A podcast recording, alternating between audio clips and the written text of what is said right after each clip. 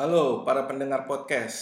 Ya, ini em, podcast perdana kita ya, podcast pop gitu. Jadi em, podcast ini bakal dipandu sama gue Anwar. dan gue Aji Ya, jadi di sini gue dan Aji kalau kita berkesempatan berdua ngobrol gitu ya, maksudnya ada kita berdua gitu. Kita di sini bakal bahas eh, hal-hal yang sifatnya eh, pop culture gitu ya, seputar seputar film, seputar hal-hal yang sifatnya aktual gitu dan rekomendasi-rekomendasi yang menurut kita asik lah gitu ya. Jadi Iya uh, uh, pa- uh, jadi uh, selamat mendengarkan di podcast perdana pop.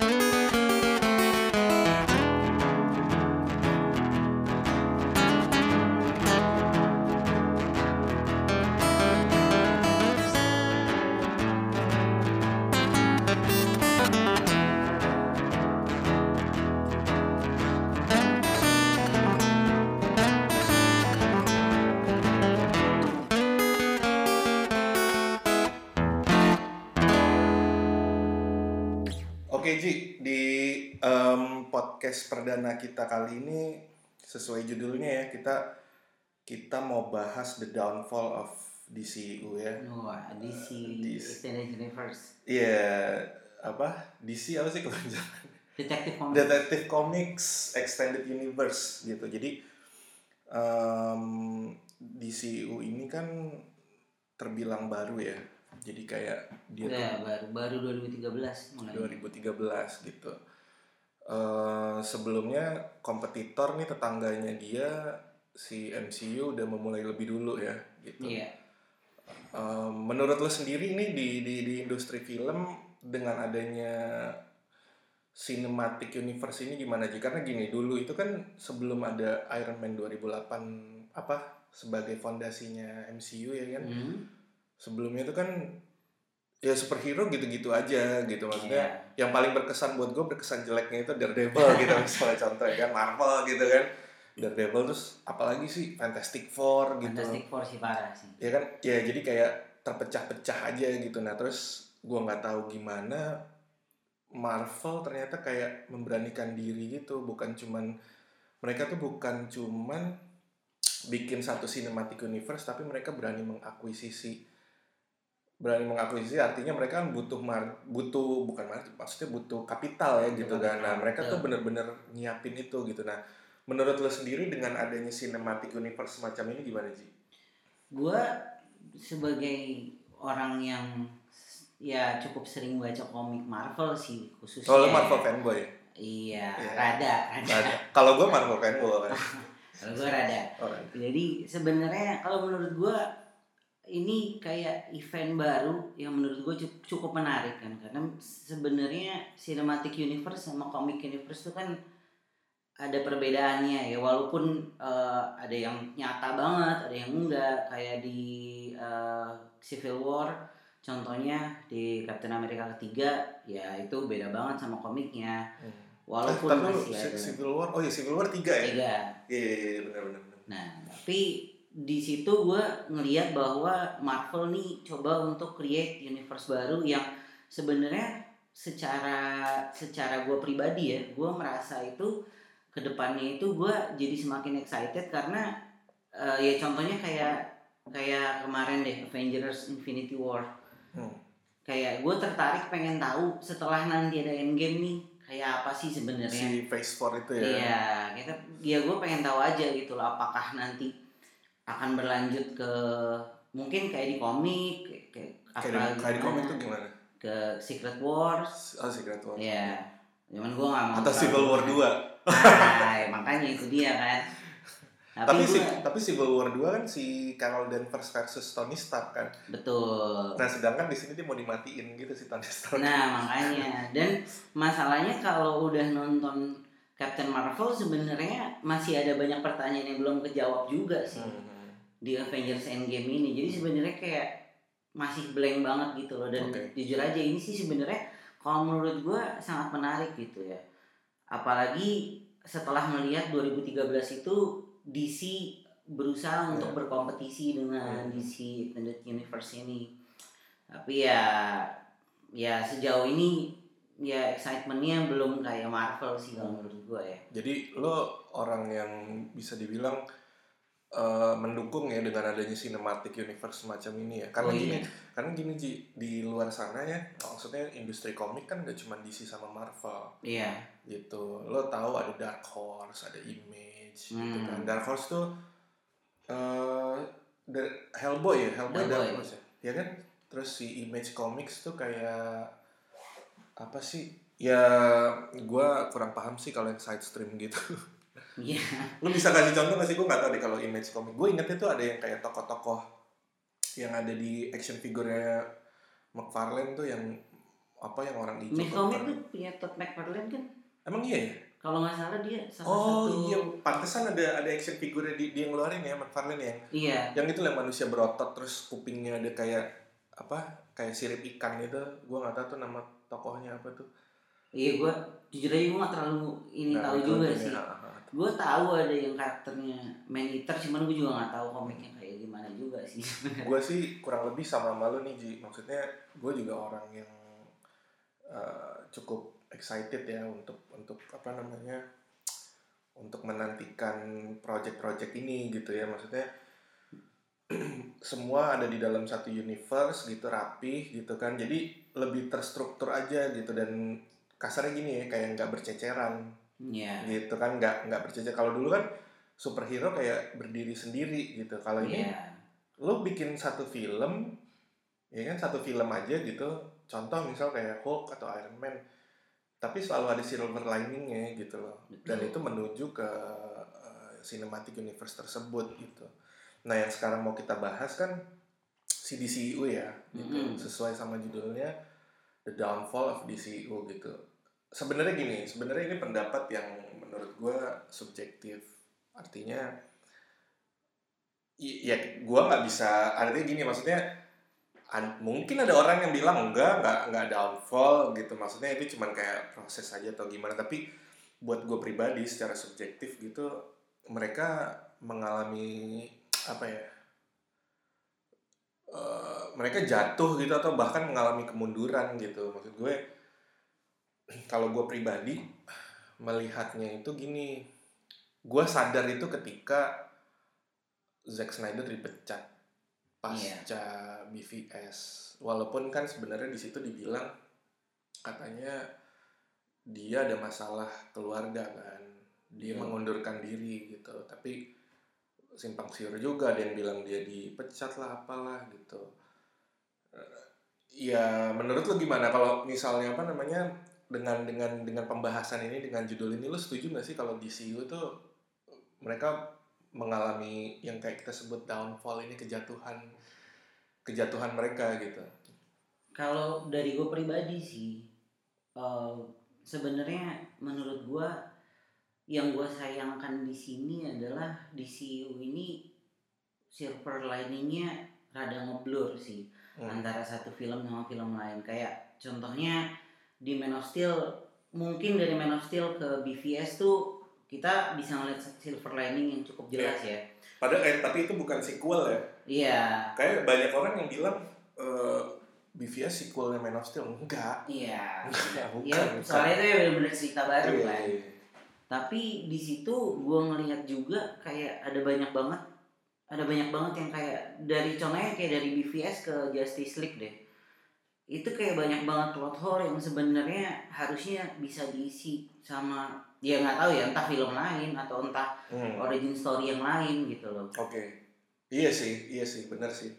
Karena terlalu numpuk ya. betul Tapi sebenarnya gini ya, maksudnya kita bisa bilang ada plot gini. Kalau gua, gua sendiri melihatnya gini Ji. Jadi eh, mereka tuh punya urgensi gitu. Jadi si pihak DC Warner Bros ini mereka punya urgensi karena mereka udah ketinggalan lima tahun. Mereka Iya, udah ketinggalan banyak project gitu kan. Di saat si MCU misalnya udah berhasil ngumpulin di film Avengers udah sampai Iron Man 3 gitu kan. Mereka baru mulai Man of Steel gitu. Terus eh, apa namanya? Mereka kan harus ngejar kan, ngejar ketertinggalan itu kan. Jadi Iya.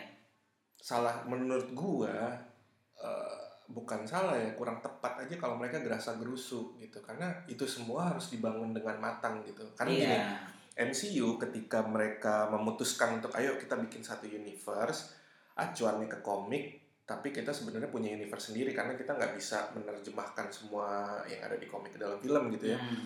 jadi ketika MCU memutuskan untuk bikin project besar ini mereka tuh udah pikirin marketnya mau ke mana Iya sih. gitu. satu nih ya satu. Mereka udah mikirin marketnya mau ke mana. Ya kan? Dari situ lu bisa tahu lu mau bikin film kayak apa. Iya. ya jadi semua rapih. Rapih banget terasa rapih. Gua gua kemarin itu nonton film uh, Captain Marvel. Gua bisa bilang itu film bagus banget. Bagus banget. Gue bisa kasih rating itu sampai 9,8 hampir perfect. Bukan karena gimana gimana ji. Gue ngeliat di situ rapih banget. Rapih banget asli. Jadi kayak Iya. dia tuh mau ngejelasin sebelum endgame terus transisi perubahan nih kan rumornya kan si Chris Evans Robert Downey sama siapa sih Thor Eh, Chris Hemsworth. Chris Hemsworth kan udah habis kontrak dan mereka mau diganti itu sudah kayak udah rame banget yang dibilang tiga orang itu bakalan mati lah atau apalah Iya.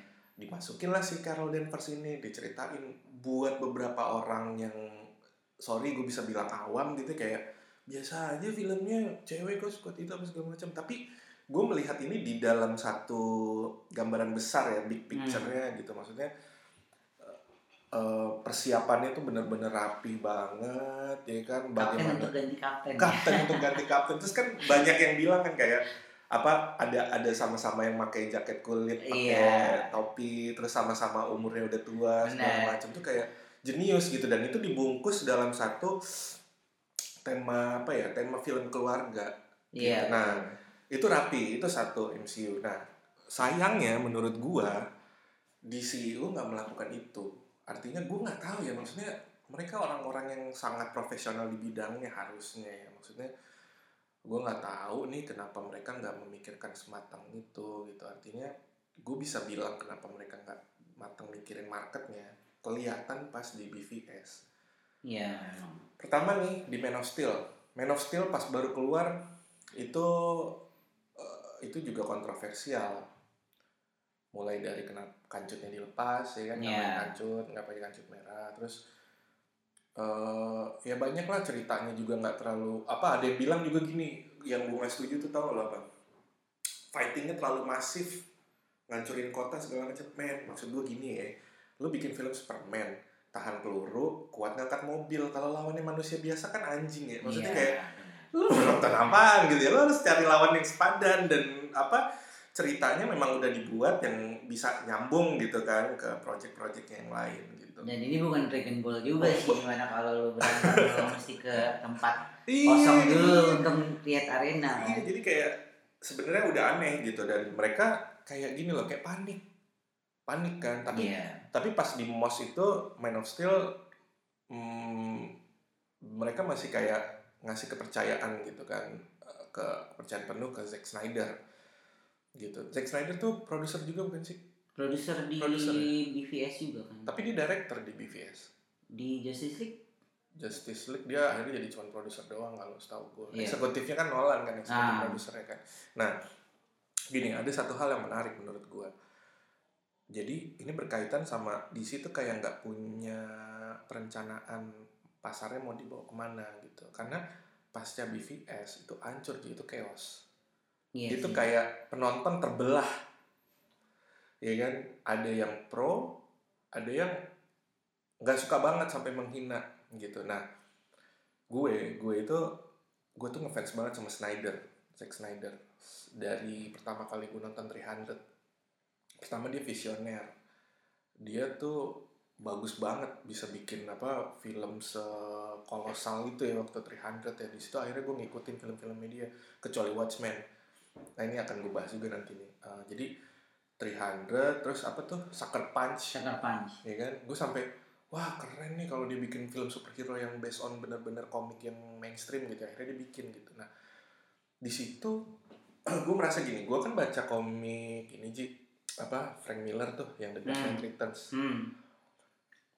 Gue suka banget komik itu gitu ya. walaupun gue telat itu kan komik udah jadul ya tahun 88 atau 89 gitu lupa Gua nggak nonton, gua nonton filmnya tapi nggak baca. Oh, lo, lo, lo nonton filmnya ya, Ah. kurang lebih sama sih. Tapi tapi kalau lu baca komiknya itu beneran banyak banget tulisannya, dialognya tuh banyak banget gitu Hmm. dan itu emang dalam ya itu kan nyeritain apa uh, Bruce Wayne udah tua ya Iya. gitu nah si Zack Snyder ini kan gue pernah lihat wawancara istrinya. Istrinya kan orang yang cast yang nge-cast uh, project itu ya maksudnya Iya. dia yang casting lah gitu. Nah dia bilang katanya suaminya itu memang orang pembaca komik gitu. Fanboy. Nah apa Zack Snyder itu berusaha menerjemahkan apa yang ada di komik ke dalam film dan menurut gue indah banget. Indah banget. Karena gini lu nonton BVS lu pertama kali ngeliat Bruce Wayne kecil jalan sama Martha sama Thomas Thomas Wayne ya bapaknya Iya. terus dia ditembak segala macam yang adegan pistol apa namanya kena kalungnya tuh Kena terus kalung, kalungnya ceceran. ceceran itu kayak anjing komik banget tuh artistik banget sih artistik gitu terus yang dia ada di apa ada di puncak crane itu yang dia mau nembak uh, alat apa namanya pengintai itu. Hmm. itu juga ada juga tuh di komik juga tuh. Gue wah gila nih gue bilang. Terus ya oke lah gitu. Maksudnya uh, terus dia juga Lex Luthor yang gondrong gitu kan kayak Iya. komik komik apa the the Death of Superman ya. The Death of Superman. Kan si Luthornya gondrong. Jadi bener-bener coba dimasukin di situ dan gue merasa film ini bagus banget. Film BVS itu gue sampai nonton lebih dari lima kali yang bener-bener dari pertama sampai habis tuh empat kali. Yang cuman kayak nonton lagi ah mau ngeliat beberapa scene-nya gitu ya. Hmm. itu gue lima enam kali lah gitu. Jadi di situ kelihatan Ji. Jadi mereka panik gitu kan. Terus eh, apa namanya dipotong filmnya. Terus banyak orang yang akhirnya komplain gitu. Terus dapat ratingnya jelek segala macem. Akhirnya mereka ngeluarin Justice League. Terus mesti narik Joss Whedon. Padahal menurut gue gini menurut gue nih DC itu harusnya mereka fokus sama market dewasa Iya, karena Marvel udah ngambil semua umur. Iya, semua umur. Kalaupun, kalaupun Ji, kalaupun dia misalnya mau ngambil, menurut gue mereka nggak bisa. Lu tau nggak kenapa? Karena menurut gue superhero di situ tradisional. Iya. Jelek, asli. Jadi kayak Aneh ya, sih, sekarang gini ya maksudnya manusia berkostum kelelawar, eh, manusia yang punya kekuatan super pakai kancut di luar, eh, ada sayapnya misalnya gitu. Ya kayak gini ya maksudnya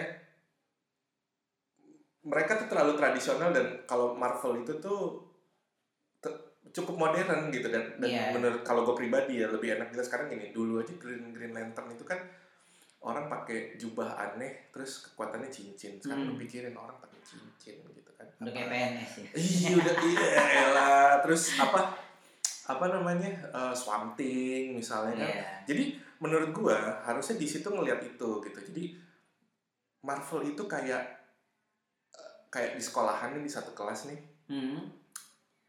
ada anak bandel tapi dia tuh pinter jadi disukain mau apa pun yang dilakuin orang akan tetap suka sama dia Betul. DC itu nggak bisa DC itu kayak ibaratnya kayak apa ya ya anak yang nyebelin diem aja terus tukang adu gitu kayak lu Hmm. mau lu mau lu, lu kalau misalnya mau bagus effort lu tuh harus tiga kalinya si Marvel Hmm, Iya.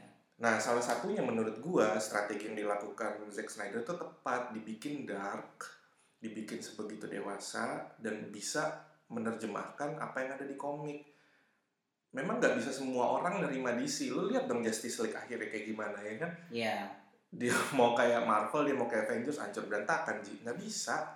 Dan menurut gua Justice League tuh terlalu banyak ninggalin pertanyaan kenapa gitu loh. Kayak lu ngapain lo nge-cast Flashnya Ezra Miller tuh aneh sih. Terus ada beberapa Eh, tapi itu si pilihannya Snyder. By itu the way. pilihannya Snyder. Pilihannya Snyder. Itu squadnya Snyder itu. Berarti squadnya Snyder. Squadnya. Snyder itu. Karena menurut gua origin story yang lain tuh Cyborg tuh oke di situ.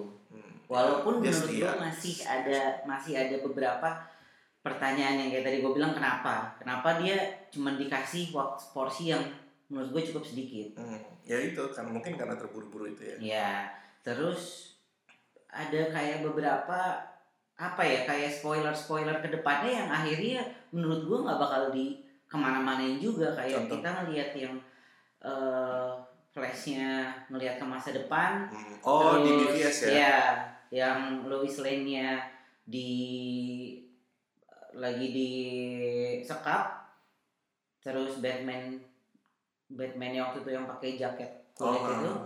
nah itu akhirnya nggak nggak ada apa-apa juga kan di Justice League juga nggak Eh diceritain bentar, itu nggak eh, beda Ji itu di yang masa depan itu di alternate universe itu Lois Lane mati dia kan ngambil cerita Injustice tuh iya yang si Superman yang marah Yang kan, Superman yang marah, Ah, kan. yang yang disekap itu kan yang pas adegan di awal itu loh yang si oh iya yang Jimmy- yang- teroris ya Jimmy Olsen yang dibunuh iya, iya. gitu. Ya tapi menurut gue itu pun akhirnya Nggak penting ya, gitu. Sayang kan, Apa? sayang kan. Maksudnya itu kayak lu waste adegan yang menurut gue bikin orang tuh kayak penasaran wah Lu ini tahu nggak yang paling mubazir apa? yang mana apa nih? Ini apa si Dark Side nggak muncul kan anjing. Oh iya benar, Darkseid nggak muncul tuh aneh. Men, malah lu muncul Stephen Wolf. Ya nggak apa-apa sih Stephen Wolf, tapi paling nggak kasih lah maksudnya gini, Avengers pertama 2012 ngasih lihat ada Thanos. Iya, wa- walaupun akhirnya baru ada setelah dua film setelahnya. gitu. Nah, apa namanya? Dia cuma ngasih lihat tanda omeganya doang kan yang di padang pasir itu Iya. kan. Gitu. Jadi ya menurut gua karena gini dari awal di situ gue melihatnya kebingungan. Kita mau ngapain ya? Marketnya mau di mana ya gitu. Karena menurut gua kalaupun misalnya dia ya memang susah sih ya gini loh kalau misalnya target dia mau ngal- nyaingin aja nggak usah ngalahin Marvel ya. Susah sih kayaknya ya Iya sih. apalagi Marvel udah digandeng Disney. Lu tahu Ji film Disney. Betul. Ya kan kalau kalau udah lucu lucu banget kalau drama bisa lu nangis nontonnya ya kan itu Iya. gua nggak tahu tuh sihirnya Disney tuh. Film keluarga yang ini ya, Iya, sangat terus dibikin kerennya keren banget Iya. ya kan. Kayak gitu. Jadi maksudnya ya se- sekarang gini. Sejelek-jeleknya film MCU apa you name it. Misalnya Thor 1 ya. Kalau satu menurut gua masih lumayan sih. Yang menurut gua rada rada kurang. rada kurang itu sebenarnya Iron Man 3. Nah bahkan nih Iron Man 3 aja yang lo bilang rada kurang aja itu aja udah bagus kan. Bagus Kenapa? banget. Kenapa? Karena karena setiap film itu menyisakan yang tadi gue sebut silver lining itu Iya. dia harus harus harus ada kaitannya. Nah DC di dalam projectnya itu enggak gitu loh. Iya. Maksudnya sekarang gini kayak lo nonton film Aquaman. Aquaman pasca Justice League. Pertama yang aneh kok kostumnya udah ditemuin pas pasca Justice League kenapa nggak pas Justice League Iya. ya kan kostum kebesaran yang emasnya itu Hmm. emas hijau itu dan di film itu nggak menyatukan apa pun gitu Iya loh. sih. nggak Nggak- menyatu nggak ada jadi itu jadi kayak satu sisa film yang ya. terpisah ternyata belakangan gue tahu gitu loh DC fokus mau membangun eh, individual ternyata gitu Ya, nah. Oke, kalau menurut lo nih, pada saat 2008 itu sebelum sebenarnya sebelum Iron Man 1 ada, Marvel itu kan udah bikin gebrakan dia bikin Marvel Studios terus dia ngerekrut Kevin Feige yang Ah. emang si Kevin Kevin Feige atau Kevin Feige sih Ke- ke- sebenarnya? Kevin Feige Kevin Feige ya. Ah. Dia emang bener-bener ya Mar- Marvel fan fanboy, fanboy ya, ya. dan dia bener-bener kayak bertekad Oh. untuk kayak gue pengen banget. Nah, menurut lu DC harusnya ada dia udah melakukan itu pas pas Snyder kan? enggak dia merekrut Jeff Jones Oh, oke. dia merekrut Jeff Jones Jeff Jones banyak terlibat di project-project DC gitu loh kalau lo lihat yang paling gua notice itu di eh, serial Titans Iya. Ada beberapa kayak Nih, kostumnya Robin nih ya. ya. nah itu serial Titans itu menurut gua menarik gitu. Gini kenapa gue bisa bilang mubazir gitu ya? Banyak film-film keren DC yang harusnya bisa lah lu satuin gitu walaupun lu bikin apa kek gitu kayak misalnya Agents of Shield misalnya gitu. Iya. terpisah tapi dia elemennya MCU Iya benar. masih nyambung gitu. Ini Titans anjing ya. Maksud gue pertama nih ya itu jelek banget ininya eh special effectnya jelek tapi ceritanya bagus banget Iya sih. tapi ada lagi yang jelek gue nggak setuju sama Starfire Iya sih. Starfire terlalu gitu ya. kayak ah gue bilang kan gue kayak please please jangan ada jangan ada kisah romantis antara Dick Grayson sama Tapi dia ternyata ada. anjing gue bilang ada. aduh gue gak kuat maksudnya nggak jadi nggak nikmat aja tapi gini di situ kan eh, spoiler alert ya maksudnya buat yang belum nonton Titans dan nggak mau kena spoiler sebaiknya dicepetin aja lah part ini gitu jadi kan kalau di BVS kan diliatin tuh di Batcave yang si Bruce Wayne yang kostum ya. kostum itu haha jokes on you Hmm. kayak gitu kan nah di episode gue lupa episode 5 apa episode 6 nya Titans itu Lima yang ke safe house kan. safe house eh bukan yang lagi nyergap itu loh Oh yang ketuanya nyergap ah, ah, yang yang yang orang jahat itu yang Ah. menangkap Raven itu Ah. kan muncul Jason Todd kan Jason Iya. Todd masih jadi Robin karena kan ini transisi kan transisinya di Grayson eh, dia cabut dari apa tempatnya Bruce Wayne terus dia mau cari jadi punya identitas baru Nightwing Iya. gitu nah di si Jason Todd ini kan pakai kostum Robin kan terus Hmm. dia, wah gue bisa bangga banget nih ketemu sama lu nih apa Robin pertama gitu kan nah, itu gue liat kostumnya kostum yang dipakai yang ada di Batcave itu anjing Iya, gue iya. bilang kayak terus kayak wah lu ya buat yang belum tahu gitu ya, Jason Todd itu Robin kedua yang akhirnya dia tuh dibunuh sama Joker Iya, meninggal gitu itu kan. nama Joker. Ah, maksudnya Itu di graphic novel apa sih The Death in the Family? The Death in the Family ya benar Hmm. Iya, Death in the Family. Ya itu eh, dia Joker yang eh Joker dia Robin yang mati gitu kan. Nah itu dibawa tuh sama Snyder tuh, gitu dibawa ke ke dalam film BVS dikasih lihat. Gitu. Nah terus dibawa juga ke dalam Titans gitu maksud gue yang kayak pertama agak bingung sih maksud gue kenapa harus ada Jason Todd Iya. ya kan kenapa harus ada dia gitu maksudnya lu bahkan gak gak teasing sesuatu di situ gitu jadi sayang kan Ji Iya. maksudnya lu ngeluarin effort buat masukin satu tokoh yang sebenarnya nggak men- buat gua nggak penting ya di situ ya dan lu kasih kita kayak orang yang ngerti maksudnya oh itu ada kostum yang di BVS gitu tapi nggak dibikin bener-bener nyambung gitu loh fan service aja. Iya, fan service bener. Dan si episode terakhir kan si Dick Grayson berantem sama Batman tuh. Iya. Kostum Batman-nya juga jauh banget kan, beda. Iya. Ya gue nggak tahu sih maksudnya timeline-nya BVS kan jauh setelah itu kan. Maksudnya Batman Hmm. udah jadi orang tua yang benar-benar yang udah kayak ya udah udah bosen berantem lah ya ibaratnya gitu ya. Emang jauh sih.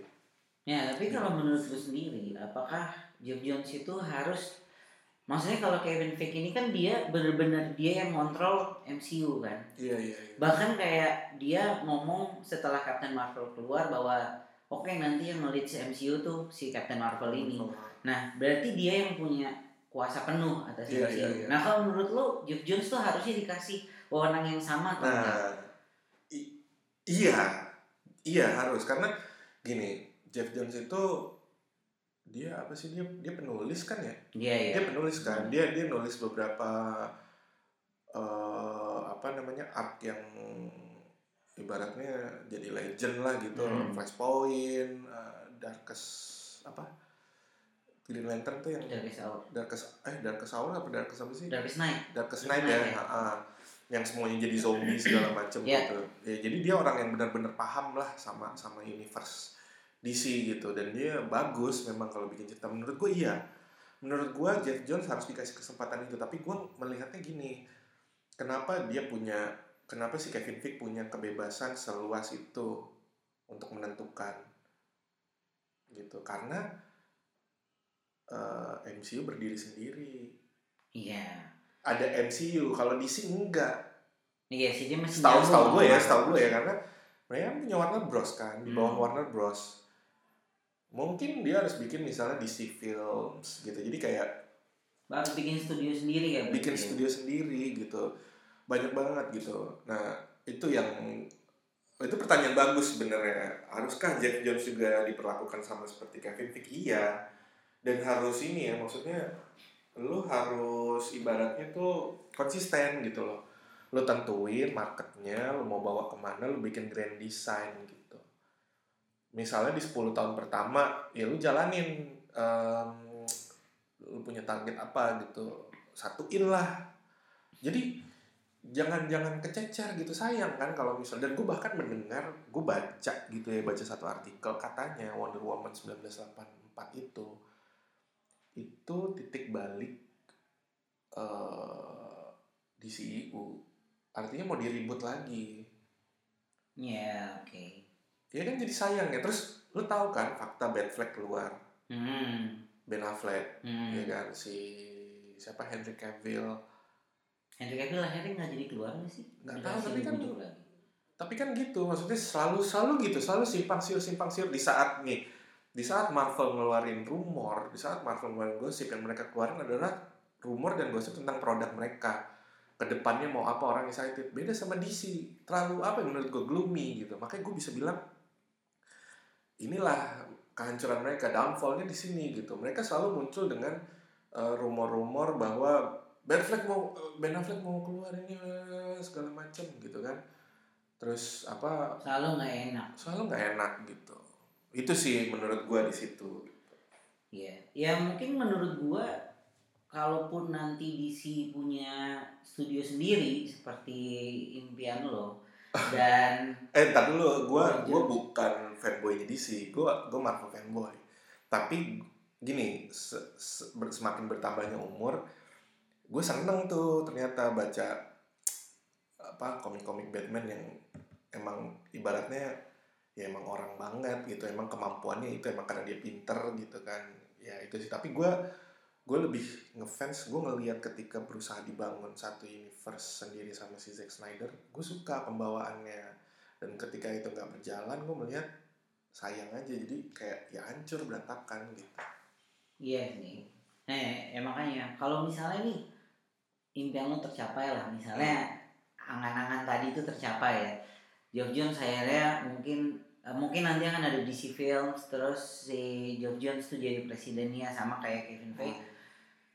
Kalau menurut lo yang pertama kali mesti dia lakuin tuh apa sih sebenarnya? itu pertanyaan yang bagus itu pertanyaan yang bagus sebenarnya gini kalau menurut gua mereka nggak usah malu untuk melakukan apa yang Marvel lakukan Oke. but they have to done some twitching gitu maksudnya mereka harus modif aja dikit gitu Hmm. Yang esensial adalah bagaimana lu membangun cerita individu tapi nyambung. Itu penting gitu. Kenapa? Supaya nggak terasa kayak Justice League. Semua digabungin di satu film. Gitu loh. Karena penting buat ngebangun karakter penting buat ngebangun latar belakang eh, individu tersebut gitu kan. Ketika akhirnya lu nggak punya waktu untuk nyampein semua nggak masalah. Contoh apakah lu merasa jadi masalah ketika Hulk tiba-tiba ganti Udah diganti tiga Ah, kali. udah ya. udah ganti terus kan mestinya kan itu Edward Norton kan mesin Ah. kan tapi diganti sama Mark Ruffalo terus apakah jadi masalah ketika Black Widow tiba-tiba ada tanpa harus diceritain sebenarnya asal usulnya enggak kan Enggak. tapi minimal dia tahu gitu hal yang substansial mana yang harus jadi fondasi gue nih gitu ya si Tony Stark kan Hmm. gitu loh Tony Stark terus si Cap Hmm. di situ. Kenapa? Karena Tony Stark sama Cap itu kan fondasinya Avengers ini kan. Iya. Yang satu yang punya funding, satu punya patriotisme tinggi gitu. Ya dia fokus di situ gitu terus di sekelilingnya. Nah mungkin nggak punya waktu lebih ya gue nggak tahu. Tapi gue nggak merasa ada masalah kalau misal Black Widow nggak dibikin ceritanya pas di phase one ya gitu. Jadi menurut gue yang pertama harus dilakukan itu sih Ji dia bikin dulu konsepnya gitu kan individu apa nggak nggak ada masalah gitu buat gua sebagai penikmat untuk ya lu ngikutin Marvel nggak apa-apa kalau misalnya akhirnya ujungnya uang yang lu cari Iya sih. gitu karena lu nggak bisa lu nggak bisa lu nggak bisa kayak Marvel superhero di situ sorry katro Iya. Terlalu apa ya kalau menurut gua iya ya benar kata lu terlalu tradisional sih. Terlalu ya terlalu ya terlalu super power, terlalu godlike, terlalu ya gimana ya kalau menurut gua secara kostum juga aneh lu sebenarnya Iya, terlalu apa ya? Sebenarnya terlalu simpel. Kayak lu nggak superhero ya kayak gitu, gitu. Nggak ada nggak ada twisting yang bisa Iya, lu iya. ambil dari situ atau lu buat dari dari ceritanya dia. setuju gitu. setuju gitu kalau menurut gue nah em, ke depannya kan dia banyak next project nih gitu James Gunn tuh juga mau nah bikin iya kan nah itu juga Squad kan nah itu itu jadi gini em, Marvel udah rapi banget udah jelas lah mau ke mana bahkan gue baca artikel si siapa Maria Rambeau itu hmm? yang anak kecil yang di Hmm. film Captain Marvel itu Hmm?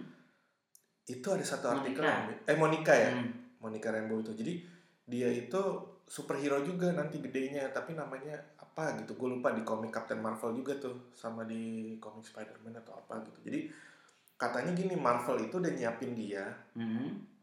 akan menjadi salah satu tokoh penting di MCU Oke. gitu tapi nggak sekarang. Karena gini si Tony Stark sama Captain America dia kan 10 tahun kan waktunya kan.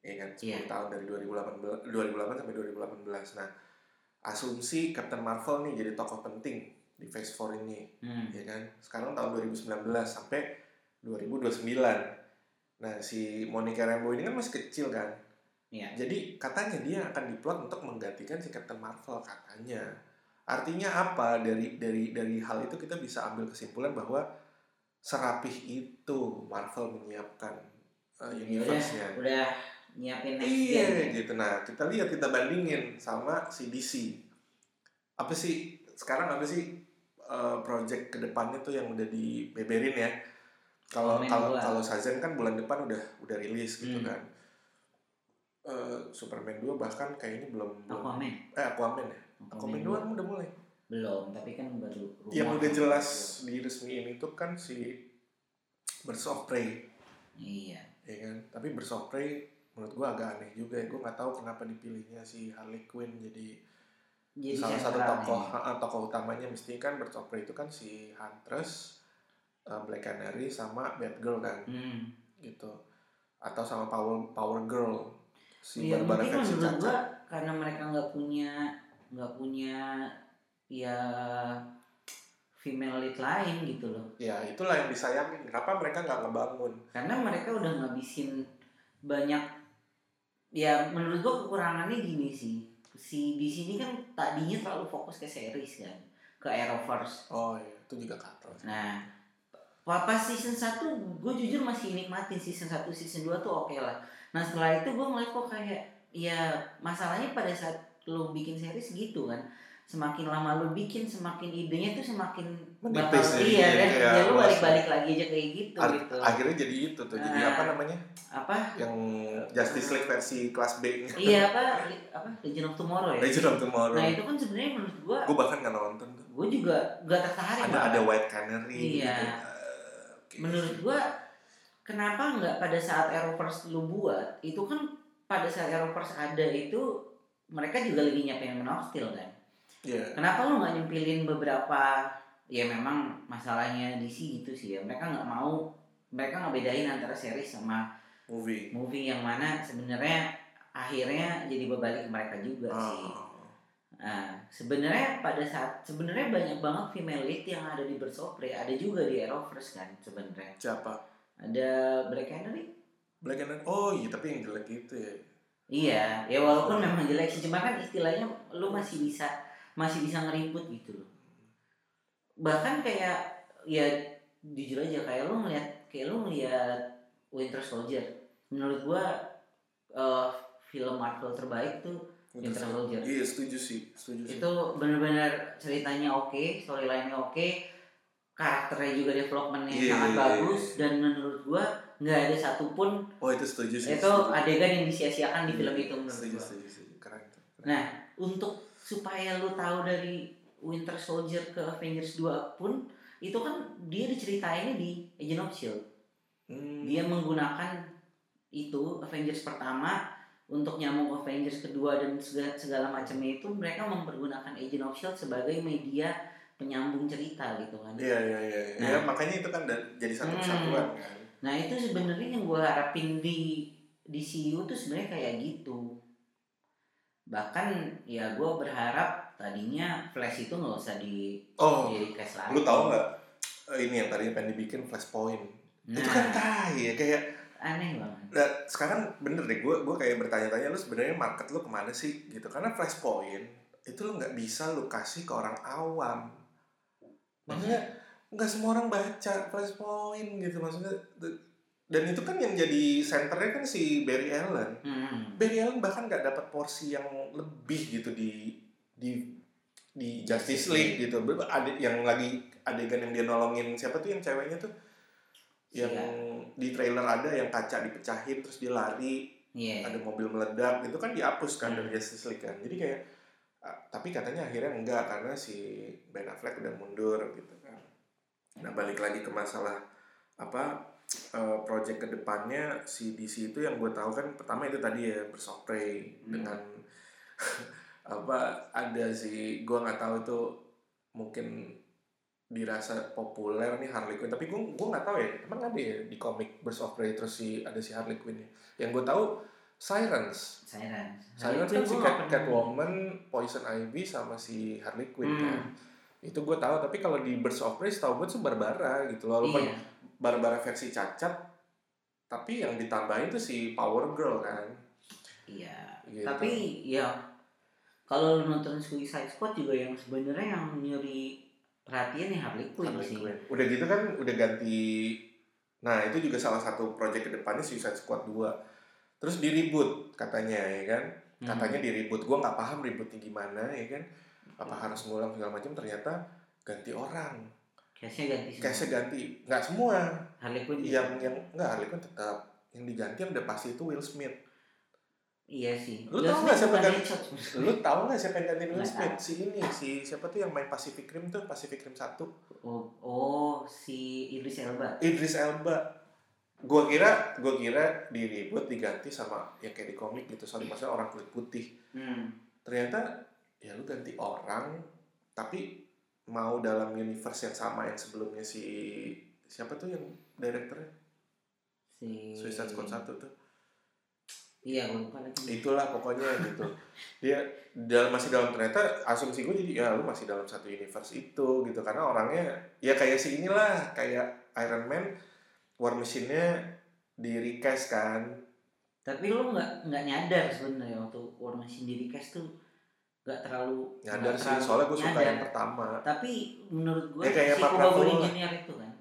Iya Mark Ruffalo kan juga recast kan dari si Edward Norton. Edward Norton kan? Tapi mereka mereka ngelakuin itu semua smooth gitu. Lah ini kan berantakan. Itu yang kedua yang ketiga bikin The Batman. Ya kan? Yang tadinya tadinya project ini tuh di bawah eh, ininya Ben Affleck gitu. Maksudnya kuasanya Ben Affleck. Ben Affleck ditunjuk jadi director. Ben Affleck ditunjuk sebagai main character di situ The Hmm. Batman. Ya kan? Terus rumor rumor rumor keluar masuk keluar masuk keluar masuk ganti. Direkturnya diganti. Karena katanya katanya nggak berhasil di film di akuntan ya apa sih? Di Accountant. Accountant itu yang dia Iya.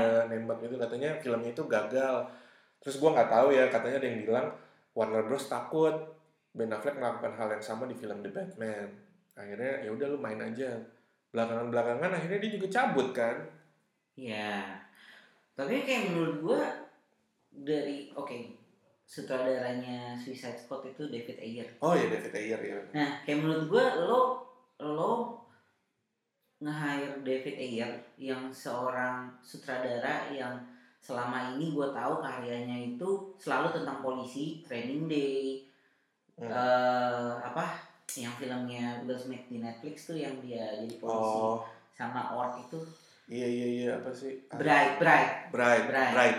Terus Bright terang ya bukan? iya. bukan pengantin Nah, iya maksud gua di dia nge-hire sutradara yang menurut gua bukan sutradara superhero tapi untuk nge bikin film superhero kenapa lu nggak berani ngasih Ben Affleck kesempatan gitu menurut gua Ya, sih itulah itu keanehannya WB gitu menurut gua Warner Bros.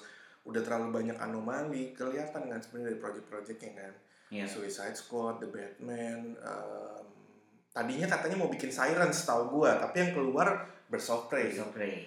Sirens sudah jelas kan maksudnya kayak ya ada si siapa Harley Quinn, eh, Poison Ivy sama si itu gitu sama si siapa satu lagi Catwoman Catwoman. gitu. Ya jadi kan kelihatan ya maksudnya dari next projectnya dia si DC sama next projectnya Marvel jomplang banget. Iya, Gitu, terlalu jomplang sih. ini udah bukan masalah jadi kayak keren-kerenan lagi gitu Ji. Udah bukan ke situ arahnya. Marvel tuh udah kayak bikin satu standar sendiri. Mereka tuh cuman gini yang penting rapih secara cerita dan maksudnya timeline enak buat diikutin terus uh, ya mereka tahu pasarnya gitu film keluarga dibangunlah seperti itu gitu. Jadi menurut gue ini udah kita udah main karakter aja sih gitu loh. Sekarang daripada misal gini ya misal pendapatannya Marvel satu triliun dengan apa yang udah mereka lakukan gitu. Terus si DC pendapatannya misalnya 300 sampai 500 uh, berapa miliar ya misalnya hmm. gitu kan kelihatan ada gapnya gitu. Lu tahu lu nggak bisa ngejar ke situ lu udah kalah jauh gitu kan. Ya udah lu maksimalin aja lu bisa pendapatannya segitu tapi lu bikin karakter sendiri gitu loh menurut gua. Iya. Yeah. ya kan kayak dan kayak tadi lu bilang gimana? Ya misalnya tunjuklah satu orang Jeff Jones yang benar-benar megang kendali atas itu semua menyatukan itu semua. Gitu sih menurut gua. Jadi uh, ya gue nggak tahu ya. Gue sampai sempet abis nonton Captain Marvel itu gue nge-tweet gitu a decades or two. Uh, apa Marvel be like uh, eh DCU a decades or two. Maksudnya mereka butuh kayak 10 atau 20 mungkin 30 tahun lagi untuk bisa nyamain atau nyaingin gitu loh. Bisa melebihi gitu. Udah, masih udah jauh banget sih jauh banget sih. Kalau masih dipegang kayak gitu ya. gitu. Nah kalau menurut lu sendiri gimana sih kesimpulan dari apa downfall ini nih downfall of DCU sebagai penikmat ini ya maksudnya pembaca komik juga gitu. Gua pribadi sebagai yang membaca komik dan gua ya seperti tadi gua bilang gua tuh cukup antusias dengan adanya cinematic universe ini sebenarnya kan. Hmm. gua sih pengennya oke okay lah ya gue nggak sebenarnya nggak pengen DCU tuh diribut sebenarnya gue pengen oke okay lah kalau misalnya lo mau jadiin titik balik itu Wonder Woman 1984 tuh jadi titik baliknya DCU oke okay. tapi minimal yang udah-udah jangan lo lupain gitu loh hmm. contohnya contohnya nih kayak gue ngeliat Marvel itu uh, mereka mereka benar-benar ngeribut MCU itu 2008 kan yeah. tapi di di dalam perjalanannya mereka walaupun istilahnya ada beberapa film yang menurut orang-orang itu biasa aja atau mungkin nggak sebagus eh, film-film yang lain hmm. tapi mereka tetap ya udah mereka tetap lanjut terus sebenarnya hmm. menurut gua itu yang harus dilakuin di sih yeah. mereka mereka harus ya lo harus lanjut terus ya kalau emang bener kata lo sih kalau emang lo pengen ngincer uang ya lo harus ngelakuin apa yang Marvel lakuin hmm. karena Iya sekarang di sekarang lo mau menangin apa lagi? Sekarang gue sebenarnya cukup kesian melihat DC fans di forum-forum kayak ya kayak Gikiren atau apa gitu. Mereka tiap tiap debat sama Marvel fanboy itu itu yang mereka selalu akhirnya pada saat dibalikin ya film lu gimana? Udah kelar gitu loh. Ya gue pengen mereka ya sebenarnya kayak Aquaman tuh menurut gue James Wan tuh udah ngelakuin itu film keluarga tuh ya sebenarnya. Iya. Dan itu dia ngelakuin menurut gua melakukan hal yang cukup bagus gitu loh. Dia bisa ngebangun Atlantis dengan pikirannya iya, dia sendiri yang menurut gua sebenarnya ya bahkan dia nggak nggak tahu mungkin Atlantis kayak gimana tapi dia bisa bikin itu. Nah yang menurut gue juga langkah kedua mereka harus dapat sutradara yang pas sih. Bukan mungkin lebih ke eksekutif produser itu sih ya. orang kayak Kevin Feige gitu ya. ya. Ya karena di, ya itu tadi yang gue bilang dia harus ya kalau memang Jeff Jones bisa untuk jadi presiden DC hmm. IU ke depannya ini ya kalau menurut gue memang harus di tangan yang tepat sih. Iya, iya. Oke, jadi uh, apa untuk bahasan kita tentang The Downfall itu mungkin uh, cukup kali ya gitu. Artinya ya itulah pandangan kami gitu kan um, tentang DCU tentang DCU gitu ya sekalian inilah nyampein unek-unek juga gitu oke okay. okay, uh, habis ini kita lanjut ke segmen berikutnya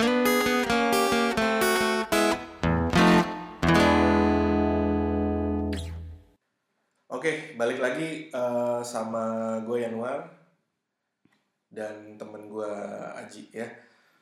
Eh, Sekarang kita mau masuk ke segmen kedua ya, segmen rekreasi gitu. Jadi apa sih Rekomendasi asik rekomendasi-rekomendasi asik. Jadi kita em, di setiap episode kita akan berusaha ngasih rekomendasi buat para pendengar kita apa pun itu ya gitu, terutama yang sifatnya pop culture gitu ya kan. Hmm. Oke, dimulai dari gue.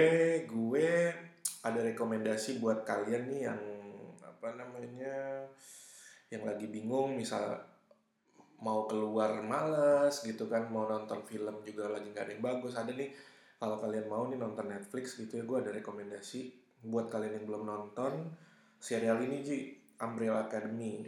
Udah Umbrella Academy gue udah nonton tuh. Iya Umbrella Academy. Gue udah gue udah tamat gue udah tamat gue belum sih. Gue udah tamat. Jadi singkat aja ya jadi uh, Umbrella Academy ini diangkat dari komiknya Gerard Way ya kan uh, sama siapa bah tuh namanya tuh? Iya Vokalisnya MCR itu kan Mike Iya, Mike Chemical Romance gitu terus diangkat jadi film seri itu satu serinya sekitar 40 menit. Dia ada berapa sih 9 seri gitu. Satu season ya baru Iya. season satu. 9 episode Nah, eh, cuman gini, pace-nya tuh film ini lambat gitu. Gua sampai bosen banget nontonnya. Gue jadi kayak nonton semalam terus malam berikutnya baru nonton lagi terus gue tinggalin berapa hari terus gue nonton lagi sampai di episode 4 tuh menurut gue bosen bosen. Iya terlalu lambat sih. Bosen tapi udah udah dari episode 5 tuh udah mulai kebangun ceritanya udah mulai menarik gitu. Dan di, dari situ gue udah bisa nonton sampai dua tiga episode sekali nonton gitu. Langsung habis lah gitu. Dan eh, keren banget. Jadi intinya sih cerita tentang kayak superhero juga sih gitu. Maksudnya orang-orang berkekuatan khusus gitulah ya ditambah dengan drama-drama keluarga gitu adik kakak gitulah gitu. Jadi buat kalian yang bingung gitu bisa deh masukin ke apa ya Di play, Netflix ya? playlist. Ya di Netflix. Gue nggak tahu ya kalau di apa Cinema XX1 apa sih yang bajakan-bajakan tuh? Cinema 31 Cinema tiga apalah Ya, gue nggak tahu. Ada ada atau enggak gue nggak tahu deh. Tapi eh, itu rekomendasi dari gue kalau untuk eh, nonton film ya gitu. Terus dari lu apa Ji? Kalau dari gue eh, minggu depan nih buat kalian yang suka main Dota.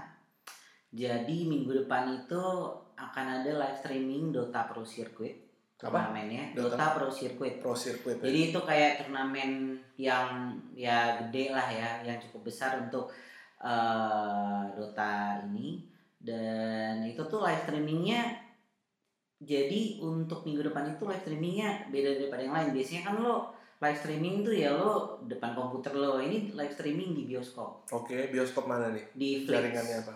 di Flix bioskop Flix. Jadi Flix itu ada di Grand Galaxy di Bekasi. Jadi kalau buat lo yang di Bekasi nih mungkin lo bingung kan itu mulainya dari tanggal 22 sampai 24 Maret. Jadi eh, harga tiketnya itu sama kayak lo nonton bioskop biasa eh, sekitar 40 sampai 50 ribuan Hmm. Nah, tapi karena live streaming nanti jadi live streaming itu dan kebetulan turnamennya itu digelarnya di Stockholm di Swedia. Jadi ngikutin jam sana di sana itu jam setengah lima sore yang mana di sini itu jam setengah sebelas malam. Oh serius lu? Jumat malam. Iya. Jadi itu eh, jadi setahu gua yang nanti di streaming di bioskop itu di Flex ini, oh Flex ini ada dua di Grand Galaxy Bekasi sama PIK, PIK Hmm. Avenue. Jadi kalau misalnya yang lo ada yang di sekitar situ dan lo hari Jumat mungkin bingung kan eh, habis kerja atau habis nongkrong enaknya ngapain ya mungkin lo bisa eh, ke Flix yang dekat rumah lo nonton Itu tuh di- di- di Bekasi doang?